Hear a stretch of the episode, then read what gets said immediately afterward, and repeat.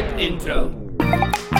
Welkom bij Skip Intro's True Detective Night Country Recaps. Mijn naam is Anke Meijer. Ik ben hier met Danielle Kliwon en samen duiken we vanaf nu iedere maandag in de duisternis van Alaska's lange, lange nacht. Met vandaag een uitgebreide bespreking en ontleding van aflevering 1 van dit nieuwe seizoen van de HBO-serie True Detective met Jodie Foster en Callie Reese in de hoofdrollen.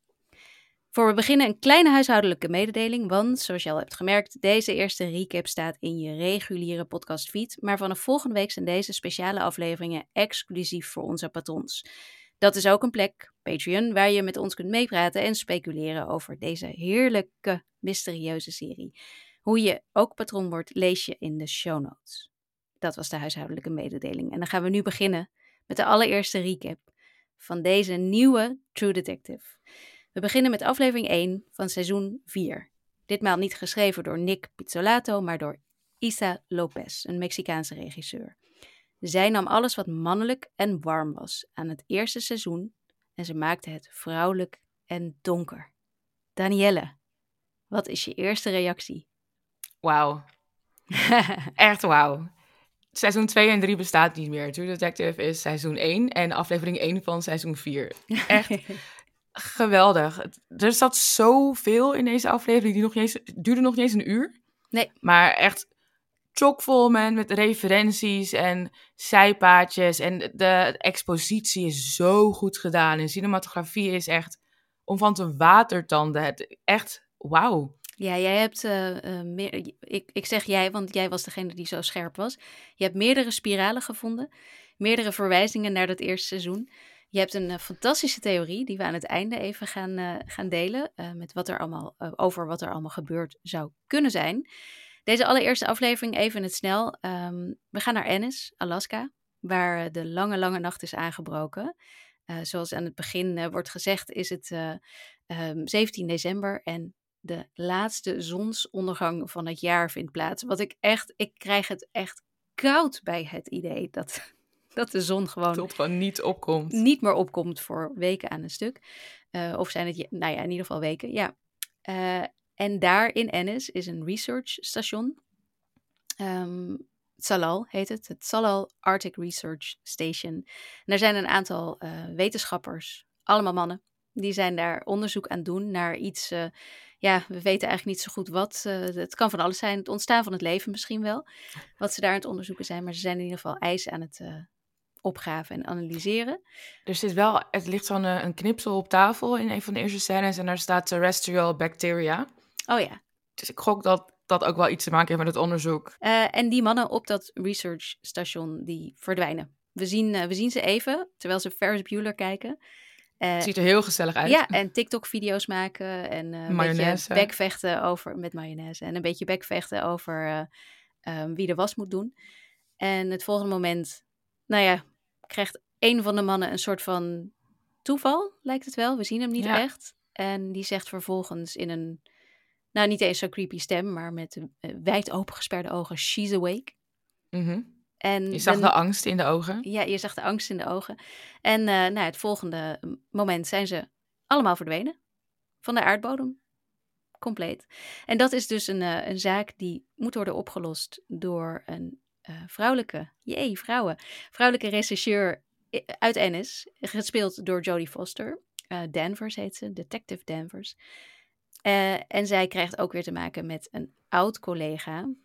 Um, zij is nu een trooper, geen detective meer. Ja, trooper. ze is een state trooper. State trooper. Detect trooper um, Navarro. Evangeline Navarro. Ja, gespeeld door Callie Reese. Uh, en dat is een beetje eigenlijk het, het, het verhaal wat er in deze eerste aflevering gebeurt. De mannen verdwijnen en die verdwijning wordt onderzocht door deze twee vrouwen. En tegelijkertijd is er nog een tweede zaak die gelijk loopt met de verdwijning van de wetenschappers, namelijk de moord van Annie Kay. En Masu Kotok, dat is een, uh, een Inupiat vrouw die ook in het dorp woont. Die is enkele jaren eerder... Alaskaanse vrouw, ja. Ja, en die is enkele jaren eerder vermoord gevonden in een uh, container. En die moord is eigenlijk nooit opgelost. En hoe zijn die twee zaken aan elkaar gelinkt? Uh, haar tong is afgesneden toen zij werd vermoord. En als wordt ontdekt dat de mannen vermist zijn...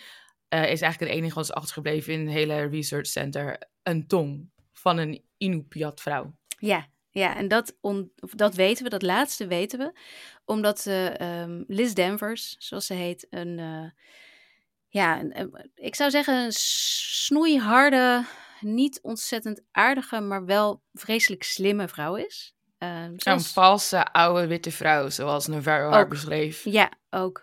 Het, ze is all of the above, is ze volgens mij. Een, een gelaagde vrouw, een ingewikkelde vrouw.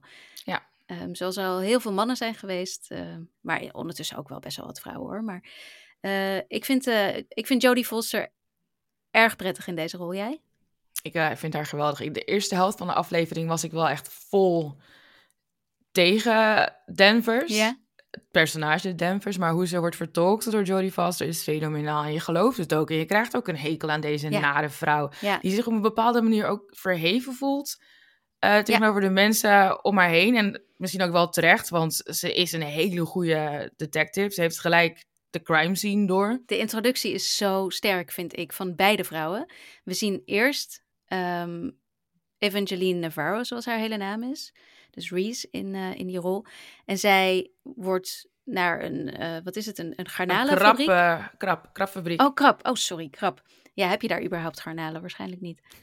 Ik heb geen idee. Ik ben er nooit in Alaska geweest. Een krabfabriek uh, waar één vrouw een man heeft neergehoekt met een stalen emmer. Ja. Ik dacht dat hij dood was. Ik dacht, dit is de moordzaak waar deze serie over gaat. Maar hij was niet dood, nee, hij was gewoon dronken. Is, niets is minder waar. Dit was gewoon een introductie van dit personage, maar ook meteen ja. van, van eigenlijk de plek waar we zijn. Een plek waar zeker in die lange, lange nachten mensen zichzelf uh, wellicht iets wat verliezen. En waar dat... ook weer gewoon misogynisme is, waar ja. er seksisme is, mannen die vrouwen onderdrukken, van het ging eigenlijk om huiselijk geweld. Ook dat er wordt neergekeken op Navarro als ook um, een native, een vrouw. native, Ja. native vrouw. Die wordt gelijk voor uh, bitch uitgemaakt en weet ik veel wat. Dus de toon is gelijk gezet. Je ziet hoe die verbanden en die relaties met elkaar zitten. En dat, dat is in de eerste tien minuten van die serie. En hetzelfde gebeurt natuurlijk ook met Danvers, die met twee andere politieagenten naar de crime scene in, in Ja. Tsallas ga- Tsalal Vader gaat. en zoon eh, Henk en Pieter heten ze. En dat heb je helemaal niet door. Ze lijken ook niet echt op elkaar. Ze gaan Nee. heel koud met elkaar om. En op een gegeven moment zegt Danvers, als we het hebben over de mayonaise sandwich, zegt ze, you were never much of a sandwich making kind of dad. En dan zegt ze, was he Pete? En kijkt Ja. ze naar die zoon. En toen dacht ik, oh my god! Dus dat zijn vader en zoon. Ja, En in één zin zie je ook gewoon die verstoorde verhouding tussen Pete en Hank. En dat hij een absent dad was. Het wordt gewoon helemaal zoiets simpels neergezet. Echt fenomenaal. En Danvers wordt ook heel goed neergezet. Want inderdaad, in die, ze komen daar op die plek. Wij weten ook niet eh, hoe lang er tussen het moment dat wij die mannen nog in dat centrum zagen. Waar ze nog eh, naar Ferris Bueller aan het kijken waren. De dansscène nog wel. Ehm, en, en het moment dat Danvers en Co daar zijn om te onderzoeken ehm, waar de mannen zijn gebleven. Omdat Ferris Bueller nog steeds speelt, ga je er ergens van uit dat ze pas net weg zijn. Wat natuurlijk helemaal niet kan, maar eh Ferris Bueller is gewoon blijven hangen. En Danvers heeft dat Ja, die allemaal... zit vast. Ja, Ferris Bueller zit vast. Tot ergernis van Danvers, want ze haat de Beatles.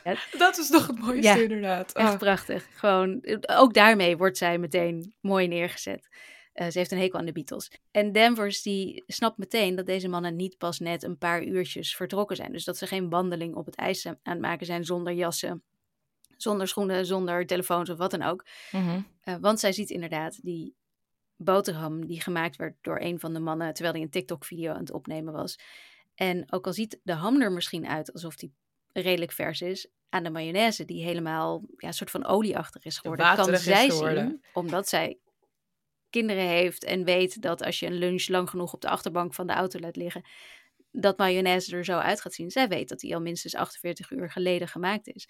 Ze weet ook dat de was die in de wasmachine zit, stinkt. En dat de stinkende was pas na zoveel uren optreedt. En dat vind ik, zo, vind ik zo prachtig, want daarmee wordt ze meteen ook wel weer als vrouw en moeder neergezet. Maar het volgende moment, bij die tong die ze op de grond vinden, een afgesneden tong, ziet zij ook direct dat het een vrouw van een, of een tong van een native vrouw is, vanwege de, de littekens. ja, de inkepingen die daarin zitten, waarmee Ja. ze dan het, de, de snoeren van het vissen, geloof ik, de visdraad. Ze ehm, ging echt full on Columbo in die, Ja. in die scène. Wat ook wel weer, is dat, is dat leuk dat het, eh, dat het weer zo'n hele slimme detective is?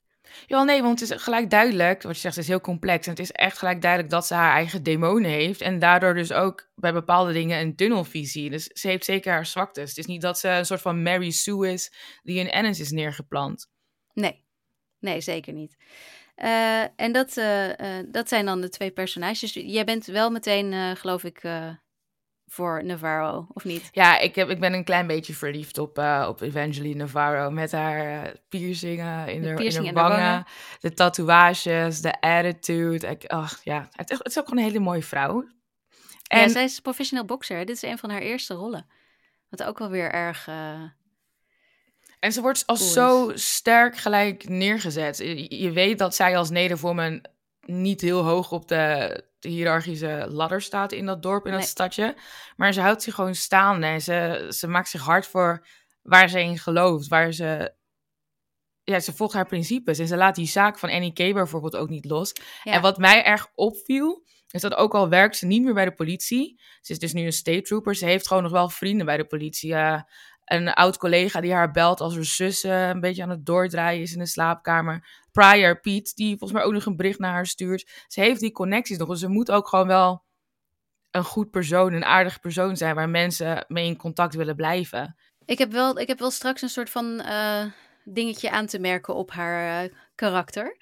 Uh, oh. Ik weet niet helemaal of ze wel helemaal oké is. We maar... gaan vechten, Anke.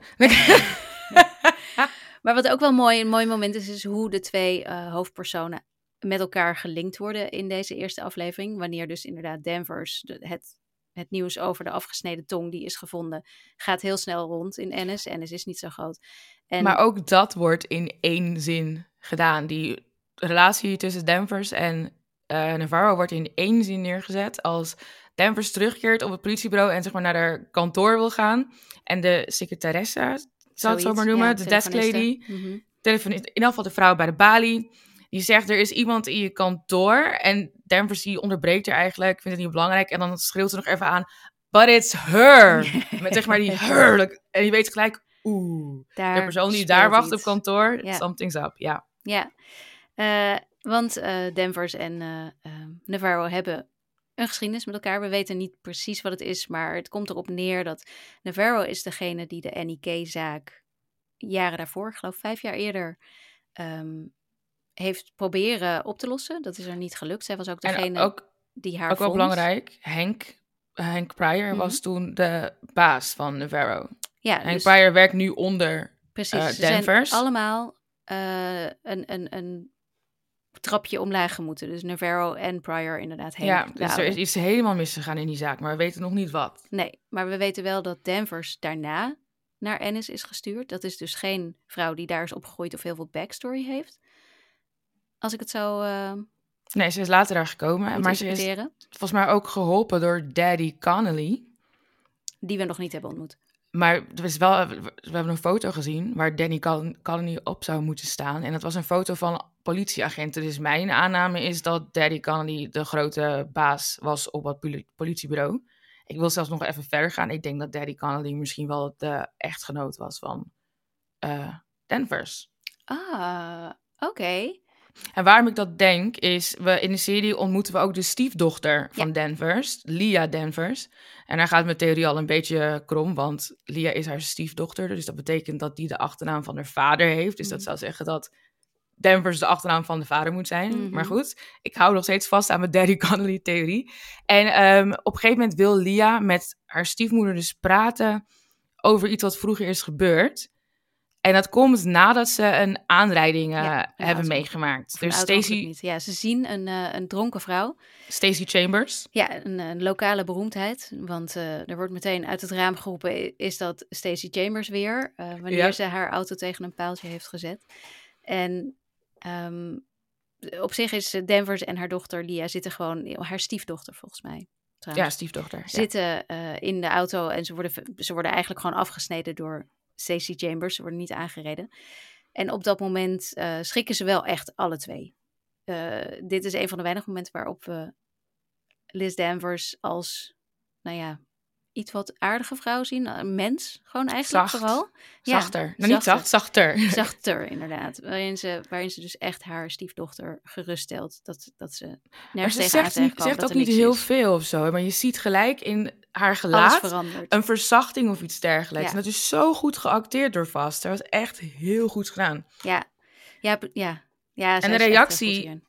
De reactie vervolgens van Danvers naar dronken Stacey Chambers is heel heftig. Ze trekt er zo wat uit de auto, gooit er, er tegenaan, schreeuwt tegen haar scheld. En ik, dat is een hele intense reactie. Ik snap het. Drunk driver, het had helemaal verkeerd kunnen aflopen. Maar, Maar daar zit je voelt achter. gelijk dat er meer achter zit. En Ja. Anke, jij had het heel goed gezien. Ja, ik, dat, dat zei ik voordat we gingen opnemen. Als Danvers naar de auto loopt van die dronken vrouw, dan zie je haar voeten door de sneeuw lopen. En dan heb je een, een klein, een split second, heb je een ander shot er doorheen waar je je ook, eh, ik neem aan, haar voeten ziet die over een straat lopen. Maar dat is, dat is dan geen, eh, dat is dan niet meer de besneeuwde weg, maar een, nou ja, meer soort van natte weg. Dat is een ander moment. Dus er is nog een moment geweest waarop deze Danvers naar waarschijnlijk een auto, gecrashte auto, liep. Dit is een voorbode voor wat er komen gaat. En dan heb je dus niet lang daarna, heb je dat die stiefdochter, eh, terwijl zij Danvers haar tanden aan het poetsen is, eh, wil praten over dronken bestuurders en iets wat er dus gebeurd is. En ze, ze, ja, De- Danvers heeft daar duidelijk geen zin in, die, die ketst het meteen af. Maar daar is iets gebeurd en dat heeft ook dus met de vader van Lia te maken. En iets later hebben we natuurlijk dat zij aan het slapen is, Danvers, en dat ze wakker schrikt. Er, dat ze Holden zegt, dat ze mama hoort en vervolgens Mhm. de naam Holden zegt. Dan heeft ze een handje, een klein handje op haar schouder en vervolgens is dat weer verdwenen. Dus mijn hele, hele, hele zo grote naar vrees, trouwens. ja, mijn hele grote vrees als moeder van twee kinderen is dat dit verhaal uiteindelijk gaat zijn dat er dus iets met een van haar kinderen is gebeurd. En dan weet ik niet of ik deze recap kan doorzetten, Danielle. Kan ik je nu al vertellen. Ik vind dit heel moeilijk nu al. Maar ik denk wel dat er zoiets heftigs is gebeurd. ik denk niet? het ook. Ja, het broertje en de vader van, de, van Lia. Want Ik denk ook het wel. Danvers en haar stiefdochter hebben ook een moeizame relatie. Ja, heel moeizaam. En haar stiefdochter is lesbisch en heeft seks met een 16-jarig meisje. Ja, maar hoe oud is ze dan zelf? Want zoveel ouders zal ze toch niet zijn? Ik dacht dat ze misschien ook wel 16 was. Ja, dat, daar ging ik ook een beetje van uit eigenlijk. Maar ja, ze hadden een filmpje gemaakt terwijl ze eh, seks hadden. En dat, eh, ja, dat is niet slim, wellicht. ja. Maar ja, en dan, nou ja. het, eh, het was in ieder geval wel een... Het was wel heel raar dat die moeder van het vriendinnetje van Lia dat seksfilmpje liet zien ja, aan dat ze dat moest Danvers. kijken. Ik, En ik Waarom? moest het kijken. Dat, maar waarom wil je dat in... Ja, ik, maar het was, eh, dat was ik, wat ik daar weer heel erg uit opmerkte... ehm, wat ik ook wel weer opmerkelijk vond... want Jodie Foster is natuurlijk een lesbische vrouw.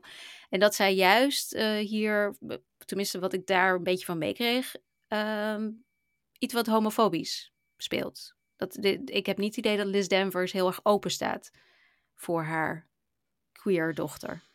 Stiefdochter. Ja, ik, dat was mijn eerste reactie. En daarna dacht ik, het heeft waarschijnlijk gewoon te maken met het niet verwerkte trauma wat zij met z'n tweeën hebben meegemaakt. Dat zou ook kunnen. en niet ook kunnen. zozeer de En lesbische zoals- relatie. En zoals ze Wat- zelf zegt, ik heb net, het is ook allemaal niet mijn zaak, maar ik heb net een schreeuwende vrouw in mijn gezicht gehad. Dus dat En vind die ik niet leuk. dochter, die stiefdochter voelt zich blijkbaar wel zo op haar gemak of zo vertrouwd bij Danvers dat ze wel naar haar toe kan stappen om te, een gesprek aan te gaan over een pijnlijke gebeurtenis uit het verleden. Dat doe je ook niet als die band verstoord is of als je denkt dat je Ja. moeder homofoob is. Denk nee, ik dan. dat klopt. Nee, nee, misschien heb je daar wel gelijk in. Maar ik denk, wel, ik denk niet dat ik er heel ver naast zit wanneer... Want laten we wel wezen, Danvers maakt ook meerdere opmerkingen naar Navarro toe... die eh, alles behalve open-minded. Ze- Het is geen woke vrouw, zeg maar. Ze maakt echt best wel hele nare op, het over Ja. spirit animals en dat soort dingen... die heel erg natuurlijk op het cliché van de native vrouw Ja. eh, inspelen. Dus het, ik, maar dat, dat, is, dat is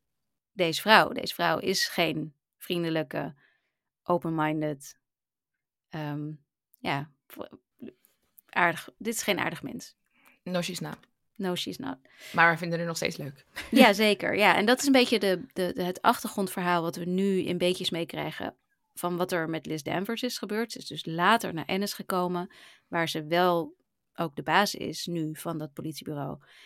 Eh, en daar is ze dus wellicht gekomen dankzij met de hulp van een hoger geplaatste man, waarvan jij denkt dat het de vader van haar stiefdochter is. Of de vader van de vader van haar stiefdochter. De vader van de, de opa van haar Ja, stiefdochter bedoel je zo, wow, dat, dat was een veel makkelijkere manier om dat te zeggen, inderdaad. De opa van haar stiefdochter, dus haar ex-schoonvader. Ja, ja. Oké. Nou, die gaan we even Connolly heten. Die gaan we even onthouden. Ehm, en daarbij is er dus iets gebeurd met de vader en een eventueel zoontje, broertje ehm, van deze twee Danvers Maar er zijn dus zoveel mysteries te ontrafelen, alleen al in het person. Alleen bij de personages. En dan hebben we het nog niet eens gehad over de twee zaken zelf. Het is echt insane Ja. hoeveel er in zo'n kort tijdsbestek kan zitten. En toch werkt het. Je hebt nooit het idee dat het te veel is. Je hebt nooit het idee dat het onlogisch is of gerushed is. Of dat je een soort van eh infodump krijgt. Alles is echt goed Ja, gedoseerd. en mondjesmaat, mondjesmaat. Ja. want dan heb je dus ook Navarro. Die heeft ook natuurlijk een backstory. Ehm, zij heeft een zus waarmee het niet zo goed gaat. Die, eh, Jules, Ja, die, eh, ze, wordt, ze wordt inderdaad door een oud collega politieagent eh, gebeld en gezegd van je moet nu komen. wel een gaat- zwarte man trouwens. Ja. want het gaat niet goed met je zus. Ehm, en die zus die, ja, die, die geeft aan dat, dat zo erg is het allemaal niet. Of sorry en ik ben niet zoals mama. En dus daar zit ook van maar je kan er ook uithalen dat, dat Navarro haar zus naar Ennis heeft gehaald. En volgens Ja, mij ook. ook vrij recent. En die zus, ze is schizofrene misschien, ze hallucineert, paranoïde. Ze denkt dat er mensen in haar kamer zijn. En inderdaad, dat ze niet zoals je moeder is. Dus dat geeft aan dat die moeder waarschijnlijk ook mentale problemen had. Dus daar zit Dus ook van alles wat uitgepakt moet worden. Dan heb je dus... Ja. Daarnaast is Navarro geobsedeerd door de NIK-zaak. De ehm, ja, milieuactivisten, zal ik maar zeggen. Want ze was heel erg... Ennis is een mijnstad. En deze NIK was eh, heel erg tegen deze pijn onder andere. Waardoor ze de hele stad heel tegen zich dorp. kreeg. Ik weet nooit zo goed hoe je dat in Amerika. Ik denk eerder dat het een soort van dorp is. Ik denk niet dat het een stad was. Ennis.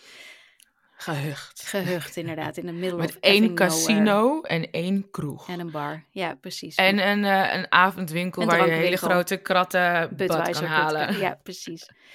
Ehm, maar Navarro is dus geobsedeerd. Ze gaat ook, eh, zodra ze over die tong weet, de broer van Annie opzoeken om, Ryan. ja, om te kijken of, eh, eh, of hij misschien nog iets, iets meer weet, of ze nog iets kan. Ehm Denver zegt ook op een gegeven moment over die obsessie dat ehm, Navarro nou eenmaal een ding heeft met geweld tegen vrouwen.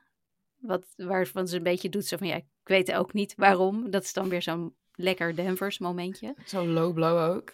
En dan heb je ook een Navarro die een booty call, dat vond ik ook een redelijk opvallende scène, een soort van booty call Qua wiek. doet. Qua Viek heet hij. Ja, een man En als die hij de- de deur open doet, dacht ik, oeh, hele knappe Jason Momoa Drogon of Khal Drogo van Game of Thrones. En toen deed hij zijn mond open en toen was het weg. Ik was, het gone. weg. Ja.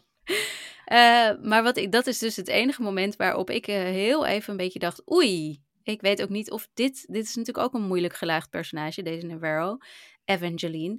Want ehm ze dwingt hem om klaar te komen in haar. Hij wil dat- niet. Dat, wil Ja. hij niet. Hij zegt dat, dat hij dat, hij laat duidelijk merken dat hij dat niet wil en ze dwingt En hem. hij, hij Dat is wil niet dat volgens mij niet, omdat hij getrouwd is. Oh, dat denk jij, maar dat maakt niet uit. Ook, ook al, Nee, niet dat het echt verschil maakt, maar dat is... het, is- het is Toen, echt niet dat was toen ik dacht, er is iets niet oké hier. Nee, maar dat, dat is sowieso echt niet cool. En dan steelt ze vervolgens ook nog zijn SpongeBob elektrische tandenborstel.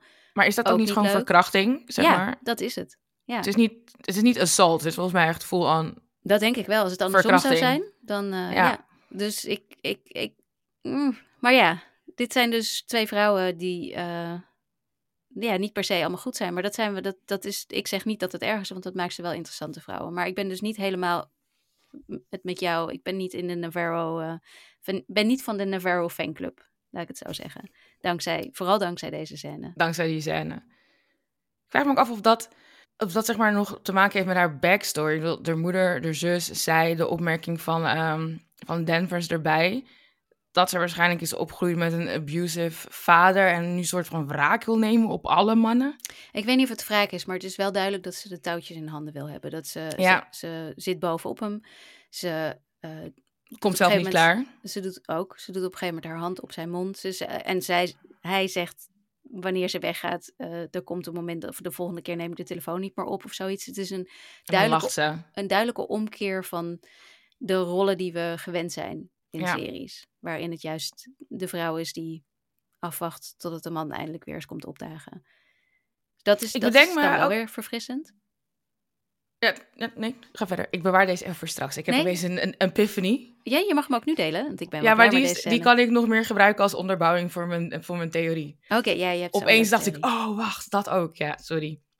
Nog heel even wachten. Nog heel even wachten. laten we naar Travis gaan. Ja, Travis. Travis en Rose. Rose eh, die wordt eh, gespeeld door de altijd geweldige Fiona Shaw. Die we natuurlijk allemaal nog kennen uit heel veel dingen. Maar ook nog uit Endor. Waarin ze... Is zij niet ook eh, Petunia Dudley? Ja, zeker weten. Zeker weten. Zij is de tante van Harry Potter.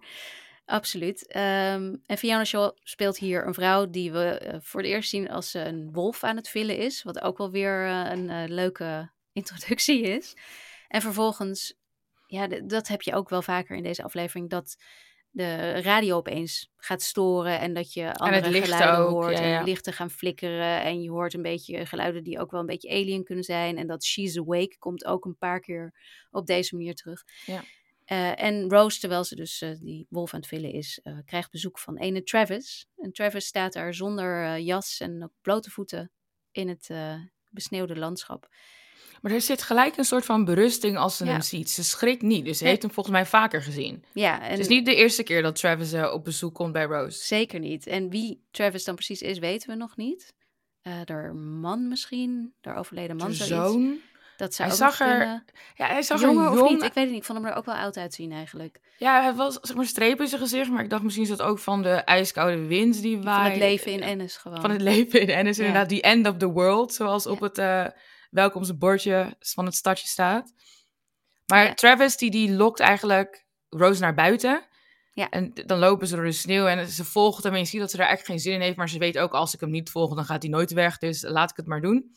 En dan op een gegeven moment wijst hij nee, nee, nee. Hij, krijgt, hij gaat eerst dansen. Oh, ja, die, Een soort, ja, jij noemde, jij omschreef het als een, ehm zo'n, ja, zo'n, de Tube Man, weet je, dat eh Wat opblaasbaar stokfiguurtje, Ja, precies. ja, Dat hij met zijn armen zo in de lucht. en- Ik vond het een beetje tai chi, maar ik vind eigenlijk jouw Tube Man misschien nog wel wat beter. Eh, maar hij gaat in ieder geval een hele bizarre dans doen, daar Ja. in de sneeuw, in het ijslandschap, en wijst dan eh, op iets wat we in eerste instantie niet zien. Ik maar- riep ook, want de camera pent dan in de richting van waar hij naartoe wijst. Maar net voordat je kan zien waar hij naartoe wijst, komt er een andere scène. Ik Ja. riep ook, waar wijst hij naartoe? Is het de mijn? Is het Salal? Wat is het? Maar daar komen we al snel genoeg achter, want... het zijn, nou in ieder geval een aantal van de mannen, van de verdwenen mannen, die eh, in, echt in het ijs zitten. Met Tot hun net- eh, schouders. Tot hun schouders met nog net een beetje hun, hun armen en gillende hoofden in, in, in de, van doodsangst gillende hoofden bevroren eh, gezichtsuitdrukkingen. Ik kom er niet helemaal uit, maar het ziet er lekker freaky uit. Ehm, die zijn daar inderdaad in het ijs. Ja, bevroren. En toen dacht ik, misschien was wel de dans van Travis... de soort van laatste doodstuiptrekkingen van de wetenschappers in het ijs. Oh, ja, dat kan ook nog. Dat hij ze nadeed. Zou ik Ja. wel een beetje lullig vinden hoor. Zijn ze doodgevroren? Word je nog nagedaan ook? In je laatste minuut. Ik weet het niet. Misschien was Travis wel een grappenmaker, we weten het niet. Ja. Het is ook wel heel mooi dat eh Danvers en Navarro worden dus gebeld naar die plek waar de wetenschappers zijn gevonden. Dat is aan het einde van de aflevering. En dan eh, vraagt Navarro volgens mij aan Rose van... Hoe heb je ze gevonden? En dan zegt ze Travis. En vervolgens zegt Navarro, Travis is dead. En dan zegt Rose- I know. I know. Ja. ja, dus het is een beetje die lange nacht ehm, ja, waar, je, waar je misschien een beetje gek van wordt. Zoals Issa Lopez het zelf zei, de regisseur en de schrijver van deze serie. Eh, zijn deze mensen gek? Is er, is, zien ze spoken? Is het echt? Het is allemaal, het is, het is allemaal up in the air op dit moment. Heel veel mysterie. Eh, weet je Ja, ik heb ook nog- heel veel vragen heb ik opgeschreven. ja, er zijn heel veel vragen. Weet je wat ik nog even eh, trouwens wil toevoegen aan de backstory van Navarro? Is namelijk dat we ook een flashback van haar krijgen. En dat is een flashback dat ze eh, in het leger, ik weet niet waar, Ja, ja, maar een- ja, haar laatste tour noemt ze het. En dan is er dus een collega wiens halve gezicht is weggeblazen. En dan ook- fluistert Ja, fluistert ze iets. Misschien ook wel. Listen. Ze zegt listen. Misschien zegt ze dan ook wel she's awake, blijkt dan straks. Oh god. het Listen. allemaal- She's Maar dit- awake. Dit heeft, dat moet ook ergens. Ik bedoel, dit, dit kun je zien als een soort van trauma en eh, geweld tegen vrouwen waar Navarro mee heeft. Maar dit is wel een ander soort geweld. En dit, zo'n listen inderdaad.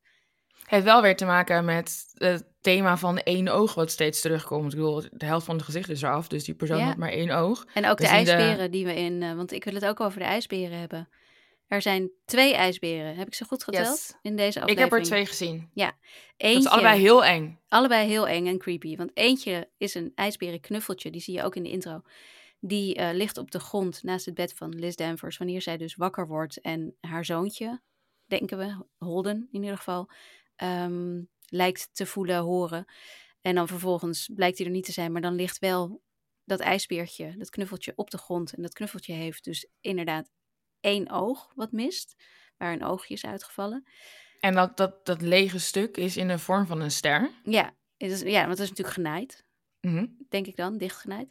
Eh, en we zien ook een ijsbeer wanneer Navarro op weg is. Eh, ik weet even niet meer precies waar ze naartoe gaat, maar het is in ieder geval midden Ze in de ging nacht. bier halen. Oh, ging ze bier Het was niet midden in de nacht, ze kwam van de... Het is altijd midden in de nacht natuurlijk. Het- ik dacht ook dat de, de hele Hoe serie... weet wat jij nou wat ochtend is? Dat het nacht was, maar ja, het had gewoon overdag kunnen zijn. Niemand weet het. Echt insane. Maar ze ging, eh, ging bier halen. Ze Ja. kwam net van, eh van Kvik. En ze werd gebeld. Ja, door Pryor. Ja, Door Pryor, precies. wat ook wel En apart is, Piet. En dan vervolgens gaan die, gaat, eh, verliest ze de verbinding, zoals dus wel vaker gebeurt. Hoor je She's Awake, hoor je ook. Waar zij verder niet op reageert. Misschien omdat ze denkt dat het op de radio is of zo. En dan staat er een enorme ijsbeer in de straten van Ennis. eh, die naar de auto echt in het gezicht van Navarro kijkt. En ook één oog mist. Dat is wel best wel een freaky shot ook. Ik bedoel, ik vond het knuffeltje al een beetje naar. Maar dit vond ik ook wel naar. Ik wil hier heel even aan toevoegen. Ik ga het toch doen, wat ik net had bedacht, maar dit past hier gewoon even beter bij. Ook wel de parallellen of gelijkenissen tussen Navarro en Danvers. Mhm. Danvers is natuurlijk in de badkamer de tanden aan het poetsen met tapwater. Dat is trouwens Maar de- wanneer Navarro vlak daarvoor de tandenborstel, de SpongeBob tandenborstel heeft gejat.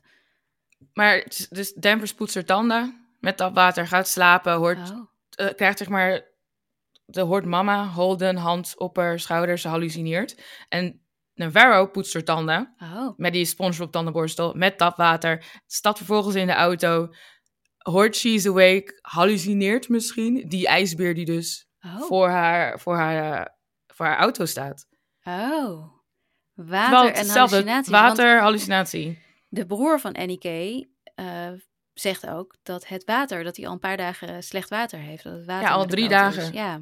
Hmm, water wat- went to shit. En volgens mij zegt de baas van die krabfabriek, die klaagt ook over het water en dat ze daardoor minder krabben vangen. Dus er is iets met het water. En Wel, dat, dat is deel van mijn theorie. Ja, ja. Dus misschien was... ehm, nee.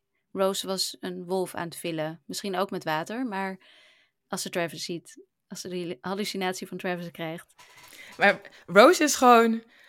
Zij is een, een soort outlier in dit hele verhaal. Zij staat er echt buiten volgens mij. Ik denk dat zij los is van die commune, die soort van secteachtige Ennis. Los van het bovennatuurlijke, los van wat er daar allemaal gebeurt en ernaast staat. En een soort van Sage, Gandalf de goede kant op eh, stuurt. Oké. Ze is een wijze vrouw. Maar ja, maar, maar water. Jij denkt dus dat er, er iets met het water is... waardoor mensen gaan hallucineren. Ja, het kan natuurlijk twee dingen zijn. Ik bedoel, de dode wetenschappers zijn in het water gevonden, dus misschien dat zij het water... Bevroren water, ja, natuurlijk, ja. Ja, maar de, de- daaronder is natuurlijk gewoon vloeibaar. Ja, tuurlijk, normaal tuurlijk, water. tuurlijk. Ja, ja. Dus het kan zijn dat hun dode lichamen zijn gaan rotten en dat daardoor het water verpest is in de afgelopen drie dagen. Want je weet natuurlijk niet hoe lang die Nee. wetenschappers al weg zijn. Het is nooit echt 48 een hele... uur, dacht zij. Ja, alleen dan, het water is al drie dagen slecht gegaan. En drie dagen eerder, want ze zeggen ergens in de serie, third day of night. Dus dan Mhm. weet je dat die zonsondergang, de laatste zonsondergang, drie dagen eerder was. Mhm, En dat is voordat de wetenschappers vermist raken. mhm. Dus dan is het niet de wetenschappers die het water hebben polluted. Wat ik denk, kan ik mijn voorspelling al doen? Of zal ik hem nog even bewaren? Ik ben, ik ben ja, I'm on a roll. Laten we hem gewoon doen. Doe maar. Ik denk dus dat die mijn het water, het grondwater, het water daar vergiftigt. Mhm. En dat de wetenschappers of daarachter zijn gekomen, of zelf ook vergiftigd zijn geraakt. En misschien wel een combinatie van beide. En ik zat zelf te denken aan mercury, aan kwik of iets dergelijks. Mhm. Zware metalen. En toen ben ik gaan googlen. Aluminium. Hold my horse. Aluminium zorgt er dus ook voor dat je gaat hallucineren. Dat je seizures kan krijgen. Aha. En het verstoort, als er te hoge waardes aluminium zeg maar, in de grond zitten en in het water, dan verstoort het het magnetisch veld. Oké, volgens mij heb je hem gewoon opgelost. En dat verklaart dus ook het licht wat flikkert, Ja. de verbinding die wordt verbroken, maar ook die rendieren die van die klif afspringen. Want In- rendieren zijn ja. super gevoelig voor magnetische velden. In de, in de allereerste scène zien we een groep, een, hoe noem je dat? Een, een, een kudde, Caribou. een kudde caribou, eh, elanden. eh, die inderdaad, op, maar dat is dan wel weer, maar dat, zo wordt het mooi gedaan. Op het moment dat de zon, het, het, het laatste slivertje van de zon verdwijnt, schrikken zij wakker of zo lijkt wel. En rennen En ze met z'n allen massaal een hun dood af. tegemoet. Ja, hun Ja. dood tegemoet. Ah, en ze waren wel het drinken daarvoor ook, trouwens. En Annie is daar waarschijnlijk achter gekomen. Daarom is ze vermoord. En die Maar, maar Annie is al vijf jaar eerder. Annie is vijf jaar eerder Ja, maar vermoord. waarschijnlijk kwam ze erachter dat ze dus giftige stoffen of dat bepaald hoeveelheid daar lekte of dumpte. En dat het dus Mhm. nu eindelijk op zo'n niveau is gekomen dat het gevaarlijk is geworden voor de stad en de stad vergiftigt. Want ja, de tong is afgesneden, duidelijk dat, omdat ze er mond Ze moest niet houden. praten. Ja. En ik denk ook dat die tong, haar tong, bewaard is door degene die heeft vermoord. En nu als een soort van waarschuwing ook is achtergelaten in die research facility. Want als de bezorger, er is een bezorger die ontdekt dat de wetenschappers vermist zijn. Als hij dat pand binnenloopt, is er nog zo'n schaduw die heel snel Ja. rent. Er is Ja. nog wel iemand levend in dat pand. En die zien we vervolgens nooit meer. Die rent wel Maar heel denk- snel voor een niet bovennatuurlijk iets. Maar dat kan natuurlijk allemaal iets zijn waarmee we op het verkeerde been gezet moeten worden. En het, ik zou heel graag iets bovennatuurlijks willen hebben. We hebben de spiralen en er zijn natuurlijk legendes en mythologie van de Inu, Inupiat, wat is het? Mhm. In ieder geval de natives. Die hebben natuurlijk gewoon hun, In de Piat, ja. hun mooie verhalen ook. Maar Lopez zelf, de showrunner, heeft ook gezegd... ik ben geïnspireerd door Marie Celeste. Dat, dat, schip wat on, onverklaarbare reden is verdwenen. En een even. lawine... Er was dus Marie Celeste was een, eh, ja, een Italiaans schip. Mhm. En die is in 1872 uitvaren gegaan op een best wel veel bevaren handelsroute. En die is eigenlijk nooit op de plaats van bestemming aangekomen en ook nooit teruggevonden. Niemand weet wat er is gebeurd in het schip en dat was dus ook in het noorden. Mhm. En er was in 1959 een lawine waarbij negen of elf, volgens mij negen eh Sovjet-alpinisten om het leven zijn gekomen. En de verklaring is dat het kwam door de lawine, maar Lopez en ook heel veel mensen daaromheen die er onderzoek naar hebben gedaan, die geloven die verklaring niet. Er moet iets anders zijn gebeurd. Want ze zijn uit de tent, toch? Ze zijn Ja. zonder, zonder dat ze zich hebben aangekleed voor de winter, zijn ze uit de tent. Maar gegaan. dat is natuurlijk wel weer dat para- paradoxale ontleden. laatst. En dat is ook wat die wetenschappers in het ijs hebben trouwens. Want Ja. je ziet van blote schouders, die hadden het waarschijnlijk zo koud en hebben zich uitgekleed. En dat is ook weer mijn theorie van het vergiftigde water, hallucineren, dit en dat. Maar wat Issa Lopez dus zegt is... um, all of the pieces of the Night Country puzzle will be available to viewers before the big final reveal. I took the risk of putting everything on the table. The characters or characters who committed the deed are right there in front of you through the entire series. En daarom denk ik dat het dus geen supernatuurlijke verklaring is, maar dat het Mhm. gewoon vergiftiging is. Punt. Ja, zij, eh, zij heeft, ik heb haar natuurlijk geïnterviewd en zij heeft zelf tegen mij inderdaad gezegd, niet tegen, tegen ons, gezegd ehm, dat het, het, zoals bij True Detective seizoen 1 ook eh, zo is, dat je kunt het zien als bovennatuurlijk. Alles kan verklaard worden door het bovennatuurlijke, maar ook alles kan, zoals Danvers ook doet in deze serie. Dat hebben we nu nog niet helemaal gezien, maar dat zie je wel in het vervolg, denk ik dus. Eh, je kunt het ook allemaal een hele rationele, logische verklaring Ja. geven. Wat jij dus nu doet. Het, ik vind het wel wat hoor. Stel dat jij het nu al helemaal eh doorgrond hebt. Maar ik zou het ook wel Zou je dat slecht vinden? jammer vinden als dat het ook echt is.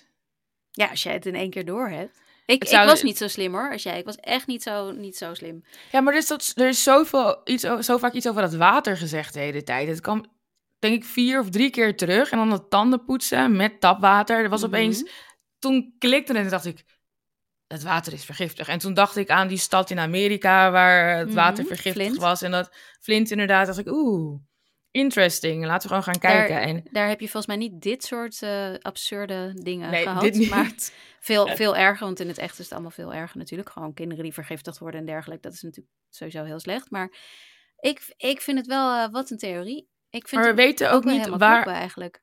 we weten niet waar er naar gemijnd wordt. Dat is nog Nee. niet verteld. Nee. We weten niet waarom Annie. Misschien, nee.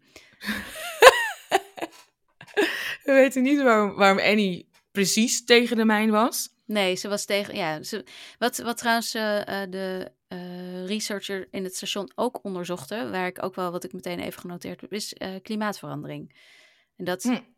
kan ook natuurlijk wel hebben meegespeeld. Daar houden mensen niet zo van, wellicht, in die regionen. Ja, dat, dat zou ook nog kunnen. Het kan ook gewoon zijn dat die twee moorden niks met elkaar te maken hebben. Natuurlijk wel. Maar dat ze wel.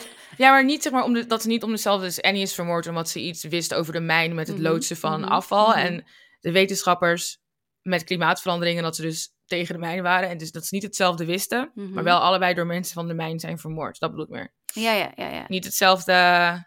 Ik wil zeggen animo, maar niet hetzelfde. Hoe zeg je dat ook weer? Motivatie. Hey, en ehm, eh, er zijn nog wat dingetjes die we misschien moeten uitlichten. We hebben nu de hele grote, we hebben de serie al gekraakt, maar laten we de aflevering nog even tot in detail eh, verder eh, bespreken. Ehm, hebben we al besproken dat Annie K 32 keer neergestoken was met een stervormig iets? Nee, Nee hè? Wat en wel dat alweer- de wond in de vorm van een ster was volgens mij. Net als de ogen van de, ijsberen. De missende ogen van de ijsberen hebben stervorm. En de 32 steekwonden, 32 Ja, steekwonden van Annie zijn ook in de vorm van een ster. Ze hebben er geschopt nadat ze dood was. Ja, ze hebben de en ribben dus gebroken, de tong tanden uitge- gebroken, de tong, tong uitgesneden. uitgesneden. Ja, maar dat, zijn, dat is dus een symbool. ehm, wat in de, want ja, True Detective ook het eerste seizoen, maar dit seizoen zeker ook weer, eh, stikt van de symbolen. Eh, de spiraal. De sterretjes heb je dus inderdaad, de spiralen. Spiralen zijn op verschillende plekken te zien. Jij zei ook Darwins slaapkamer. Ja, het is dus niet de slaapkamer van Darwin. Ik denk het kantoor van Piet. En Darwin is het zoontje van Piet. Ja. Piet Pryor is die politieagent. En zijn zoontje zit onder het bureau terwijl hij op de computer aan het werken Ja. is. En zijn vrouw, vriendin, de moeder van het kind in elk geval, loopt. Eh, gaat in de deurpost staan. Ja. En dan pen die, gaat die camera een beetje zoomt uit en gaat opzij. En dan zie je de zijkant van de ladekast die Van naast het bureau, bureau hè? Ja. staat. En daar zit een spiraal op. Gemaakt door Darwin, denk ik. Want ja, met een soort van magneetjes. eh. juist. Ik zag het En pas die- toen jij me erop wees, want ik had hem zelf compleet gemist. Ja, dat en is... diezelfde Darwin Ja. heeft ook een tekening gemaakt van een, een Inupiat legende. We weten nog niet welke legende verteld het door is. zijn oma. Want, want Pete Pryor, de jonge politieagent, is een witte man. En Ja. hij heeft dus een kind met een, ehm, Met Kela. ja, met een En lokale zij vrouw. zijn nedervormen, ja. En ehm, hij vindt het niet zo heel tof dat zijn zo'n allerlei verhalen, wat een, vaak een beetje gewelddadig boven natuurlijk. Want het is echt, je ziet een tekening van iemand inderdaad met blauw haar, maar volgens mij ook met bloede handen. Ja, met bloede handen en bloed, bloeddruppels die naar beneden vallen. Precies. En dit Het is best wel duister voor een klein Ja. jongetje die nog onder hoe een oud bureau is dit past. jongetje? Een jaar of drie? Vijf, denk ik. Oh, Oh, wow. vier? ik heb geen kinderen, Vier? dus ik, Nou, ik vond hem erg klein. Eh, maar in ieder geval, ja, misschien heb je wel vier zou wel kunnen. Maar ik vond hem ik vind e- vierde, ik vind vierde een mooi compromis. vier mooi. Ja, precies. Eh, en eh, ik kan me wel voorstellen dat hij het niet zo leuk vindt dat het kind dat soort dingen tekent. Aan de andere kant, wanneer je dat als folklore en, en verhalen verteld krijgt en je bent er niet bang voor, dan is er eigenlijk helemaal niks mis mee natuurlijk. Precies. Ehm, Maar ik denk wel dat die tekening nog, nog maar die blauwe haren, die heeft, daar wees jij mij ook op, de zus Ja, van Navarro ook. Jules heeft ook blauwe haren. Dat was ook iets waarvan je zei, dat heeft misschien wel verband. En toen heb ik mezelf wijsgemaakt, oh my god, Jules lijkt op dat poppetje. Nou ja, dat is een tekening van een vierjarig kind, dus dat lijkt helemaal nergens op. Maar Ik denk dat niks in deze serie toeval is. ik denk dat die twee iets met elkaar te maken hebben. Ik denk dat je daar misschien wel gelijk in hebt. Ehm, maar daar in zijn kamer, of in die kamer, vinden we spiralen. Maar de grootste, duidelijkste spiraal is Dus bij natuurlijk Denver. bij Denver zelf. Wanneer zij. Want ik moet zeggen, zij gaat dan op een gegeven moment. Zij kan dus, ze wordt wakker met dat, ja, die droomhallucinatie van haar eh, eh, zoontje. IJsbeertje op de grond. En dan vervolgens, je kunt niet meer slapen, dat snap ik. Gaat ze alles wat ze heeft over die verdwenen wetenschappers uitprinten. En pakt ze ehm, het eh, file, het door. Van Annie K. die ze Piet heeft Piet. laten stelen uit het huis van, Van zijn vader. vader, ja. Waarom heeft Henk al die casefiles in zijn Ja, huis? Ja, nou ja, waarschijnlijk omdat hij dus niet wil dat de nieuwe baas, eh, dit zijn zijn eh, cases. Hij is hartstikke zoiets. corrupt gewoon, dat is het. Dat en hij is kunnen. racistisch, want ik weet zeker dat zijn band met zijn zoon verzuurd is... omdat Piet een kind heeft gekregen met een nedervrouw. Dat zou ook heel goed kunnen. En hij is ontzettend naïef, want hij denkt dat de vrouw die hij op internet heeft ontmoet daadwerkelijk naar hem toe komt en met Natasha. hem gaat trouwen. en daarom heeft hij alvast zijn zitkamer een hele lelijke kleur blauw geverfd. maar dat zijn inderdaad, dat is Henk. Afschuwelijk. Eh, maar Danvers gaat dus dan al die blaadjes die ze heeft, al die uitgeprinte dingen die ze heeft van de wetenschappers en de dingen Maar ze die legt ze van... Eerst heel netjes, Heel recht recht, naast elkaar. En toen dacht ik wel, toen was ik een beetje gefrustreerd, want dit vind ik eh, vergelijkbaar met eh, wat je altijd in series en films hebt, dat iemand eh, op een prikbord alles gaat uithangen en, En dan, lijntjes. draadjes gaat trekken. Ja, ja, ja, ja. Dus ik was een beetje, dat ik dacht, ugh, tot dat laatste shot waarin ze uitzoomen en je ziet dat ze er een spiraal van gemaakt heeft, patroon van een spiraal van gemaakt heeft. En heb je de muziek gehoord die op dat moment wordt gedraaid? J- Jim James, State of the Art, A-E-I-O-U. Ik wil heel even een stukje, het is een heel kort nummer, maar dat wordt dus gedraaid terwijl eh, Denver als in een soort van hypnose die spiraal aan het Mhm, maken is met mhm. alle foto's en ehm, files. En Jim James zingt Daylight come, daylight go. How far, how far will it reach? Ain't nobody know. And when the dawn breaks, the cradle will fall. And down come baby, cradle and all. Now I know you need the dark just as much as the sun, but you're silent on forever when you ink it in blood. Ze hebben de tekst iets aangepast eh, voor de show, want daar zingt hij dus gold. How far uh, will you reach for it? Nobody knows. En goud, goudmijn. Ik weet dat ze geen goud mijnen in die mijn, obviously not. Maar ik moest daar gelijk aan denken en ik dacht, het is weer een onderbouwing voor mijn theorie dat die mijn het water vergiftigt. Mhm. Ja, daar is sowieso iets met vol die mijn wappie aan het gaan hier. maar dat vraagt deze serie ook van je. Dat is gewoon zo. En wat er trouwens ook natuurlijk bij eh, dat momentje van Danvers, wat er gebeurt eigenlijk. Die spiraal was mij dus de eerste keer volledig ontgaan. Ik ben gewoon echt niet zo goed met al dit soort Ja, symbolen. maar wat er Daarom daarna gebeurde was. Maar zij wat ziet, nog belangrijker. Ja, het- precies. Maar daarom word ik dus de hele tijd... Ik ben niet het soort kijker wat dus deze details de eerste keer allemaal ziet. Omdat ik gewoon veel meer bezig ben met wat er in het verhaal ik heb, gebeurt. er, ik heb er de tweede keer twee uur over gedaan om te kijken. Omdat ik dus iedere keer 15 seconden terug, 15 seconden Ja, terug, ja. gewoon nog een keer van beeld voor wat, beeld huh? geanalyseerd. Nou, Ja, daarom ben jij perfect voor deze recaps. maar wat er natuurlijk gebeurt tijdens ehm, dit onderzoekje van haar, terwijl ze, ze is het niet in een mooi patroon aan het leggen. Nee, haar oog valt op de jas van Annie K. Want Annie K is heel vaak gefotografeerd. Het zijn allemaal mugshots volgens mij die we zien. Want ze Ja. is natuurlijk iedere keer tijdens protesten en zo is zij gearresteerd. Eh, En dan met ze dat ze er mond eh, Ja, dat ze een soort ze van of zwart heeft afgeplakt Ja. of inkt of heeft gedaan. dus inkt, dat, maakt ja, zoiets. die, ja, dat maakt die afgesneden tong nog gruwelijker. ja. cruwer als Ja. het kan. Ehm, maar Annie K draagt op een van die foto's een roze parka met zo'n soort van bondkraagje. En die is Eh, gescheurd. die is gescheurd op een plek eh, waar ja, normaal een soort van merkje of zo waarschijnlijk op zit. Of op zou kunnen zitten. Want wat heeft Danvers gezien? Onze hele slimme, slimme detective. Ehm, een van de mannen uit het researchstation draagt diezelfde jas. Met op die plek, of tenminste eenzelfde soort jas. Maar op die plek waar die scheur zit, zit dan een embleempje van het merk of zo van de jas. Nee, het is een smiley face. Is een smiley face? Oh, En nog erger, mijn tv is ga te weer even, Mijn nog even terug naar de eerste, eerste scène in de research facility. Wanneer die man zijn seizure krijgt. Ja, Die heeft die jas aan. Die heeft op dat moment hè. Ja, die smiley face zit daar. En hij zei, wat? Helemaal terugspoelen, nog een keer kijken. Er is, oké, dus er is sowieso een link er is sowieso een link. Maar we gaan, er ook wel, we gaan er toch wel vanuit dat die tong van Annie K is. die tong is 100% van Annie Want K. hoeveel tongen moeten er worden afgesneden? Ik bedoel, Danvers zegt dan wel heel hard in eerste instantie tegen Navarro dat, dat weet je wel, de, de zaak van Annie is vijf jaar oud en dit is niet de tong. Dit is wel de tong. Ik bedoel, kom op, je leeft daar in, in een soort van constante staat van vrieskou. Het is niet zo moeilijk om een tong vijf jaar te bewaren, toch? Precies, gewoon even invriezen. Ja, Maar dus die man van wie die jas is op de foto, Mhm, dat is Raymond Clark. mhm. En ik ben er 100% van overtuigd dat de man aan het begin van die aflevering, die dan die jas aan heeft, niet Raymond Clark is. En nu, staat nu staat Denver zich wel een beetje blind op Raymond Clark, die trouwens als enige een eigen kamer heeft Ja, op die research ook facility. wat wordt ook apart is. Wat een heel groot... Er zijn ding is. 24 kamers. Ja, En er zijn vijf of zes man. Waarom delen ze kamers? En waarom heeft alleen Raymond Clark een eigen kamer? en waarom denk je dat ze Ferris Bueller keken? Wat is daar de significantie van? Ja, dat, dat, daar heb ik nog niet over Ik nagedacht. bedoel, ik vond het leuk hoor. Ik vond, eh, ik vond sowieso, eh, want dan heb je daarna heb je die, je hebt dat liedje wat dan eh, Shake It Up Baby wat dan speelt, en je hebt daarna, ehm, ik weet even niet meer wat, wat is het lied wat die man in de bezorgdruk aan het luisteren is. Brown girl, looking La at your big brown eyes. Ja. Dus ik dacht ook, nou, Ik vind in ieder geval de soundtrack, ik vind alle details echt wel heel prettig in deze eerste aflevering in ieder geval. Het is ook gewoon een duister nummer. En wat vinden we trouwens van de intro? Want we zijn natuurlijk skip intro. Wat vinden we van de intro? Ik heb hem niet geskipt. Nee. Alle keren niet. Normaal skip ik hem de tweede keer, maar ik, ik vond dit wel... eh, het, qua geluid, zeg maar.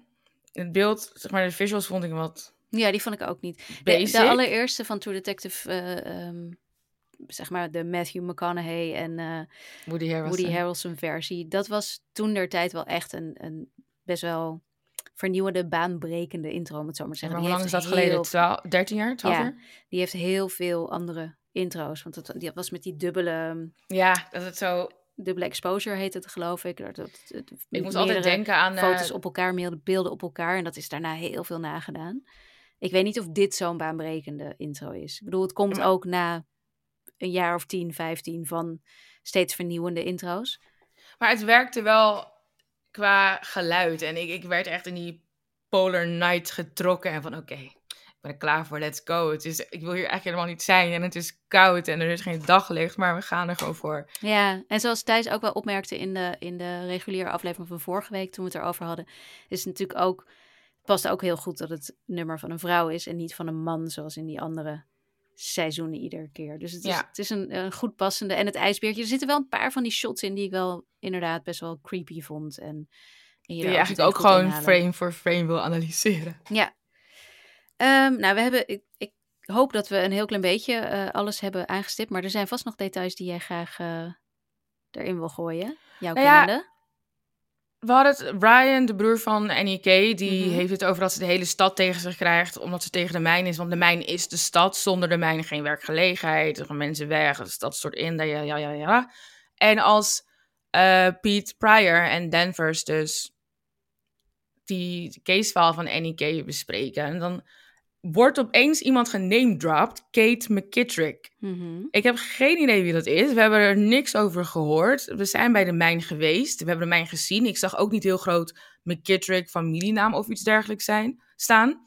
Maar de toon waarop Denver zegt, ze kreeg zelfs Kate McKittrick tegen zich in het harnas, voelt gewoon heel zwaar en heel belangrijk. Die Kate McKittrick is een belangrijk persoon in Ennis. Mhm. En het was een grote fout van Annie om die eh, als vijand te krijgen. Maar Ja. we weten dus niet wie Kate McKittrick is. Dus onthoud die naam, Kate McKittrick. En laten we kijken hoe die terugkomt. En misschien is dit wel echt een hele dikke red herring. En is Kate McKittrick helemaal niet belangrijk. Nee, Maar ik denk dat ze in het op. water zit eigenlijk. Ik denk dat ze iets met water doet eh, eigenlijk. Ja, dat zou ook nog kunnen. En ehm, ze hadden het ook over de bedrijven die eh Salal, Sal, Salas, Salal, ja. Salal financieren. En de NGO's en gewoon Mhm, geldschieters. klopt, ja. En Stacey Chambers die zit dan in de cel, want ze is dronken en ze moet eerst de roes eh, uitslapen, nuchter worden. En die is aan het Ja, vroeger-. Vroeger werd ze vrijgelaten omdat ze Henk af en toe een blowjob geeft. Maar dat werkt Ja. natuurlijk niet meer bij Denvers. Ja, heerlijk. En Henk die ook echt denkt dat het een own is van, oké, ja, nou, vroeger gaf ze een blowjob, maar ik ben verloofd hoor, met een postorderbruid. Like, maar Stacey die is dus aan het krijzen en daardoor onderbreekt ze Pete steeds als hij aan het voorlezen is. Dus we weten niet wie allemaal de geldschieters van Salal zijn, maar ik ben er dus ook weer van overtuigd dat de mijn, het bedrijf achter de mijn, een van de geldschieters is. En dat zal dan waarschijnlijk McKittrick Industries of iets dergelijks zijn. Want we krijgen dat verhaal nooit te horen en dat lijkt me heel belangrijk van what is the funding of Salal? Dat vraagt Danvers ook. Ze wil weten wie erachter zit. En we Mhm. krijgen dat niet te horen. En ze proberen het drie keer, probeert Pieter te zeggen. En Stacey onderbreekt het. Dus dit gaat volgens mij ook nog wel terugkomen. En dat zal dan de link zijn tussen de research facility en de mijn. Dus zeg maar los van de mensen, de wetenschappers en Annie. Gewoon hoe die twee organisaties met elkaar verbonden zijn. Danvers zegt, Danvers is toch degene die op een gegeven moment zegt, Annis killed Annie. Ja, de stad killed Annie. Ja. Ja. Dat is ook wel, vond ik ook wel veelbetekenend, want ze deed natuurlijk daarvoor alsof ze helemaal niets van die zaak wist en er niks om gaf. Maar ondertussen blijkt daarna dat ze er alles van weet. Ja, maar ze is gewoon koud en berekenend. En berekenend bedoel ik echt niet slecht of zo, maar gewoon puur ze kijkt, is dit een zaak die ik kan afsluiten, die ik kan winnen? Ze zag al, het dorp heeft Annie vermoord. Die gaan elkaar dekken, die gaan nooit zeggen wie het heeft gedaan. Dus ik ga mijn handen hier niet aan branden, want ik ga die zaak niet kunnen sluiten. En dat, als dat gewoon had verteld aan Navarro, Mhm. dan denk je dat die er meer begrip voor zou hebben gehad. Maar het heeft ze waarschijnlijk op een typische Denver, kille, koude, gemene manier gezegd. En daar is die hele beef ook door ontstaan.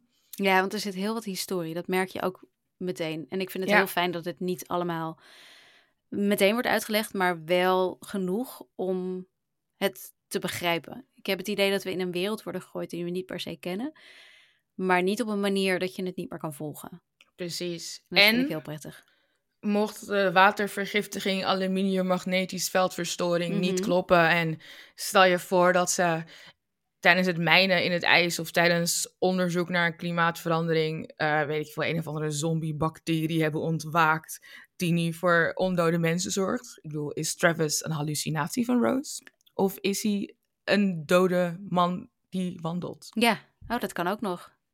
Een soort van Benjen Stark achter de muur. Ja, Een ijsman. Like, stel je voor dat het, Het wel gewoon supernatural is. Ja, precies. Hmm.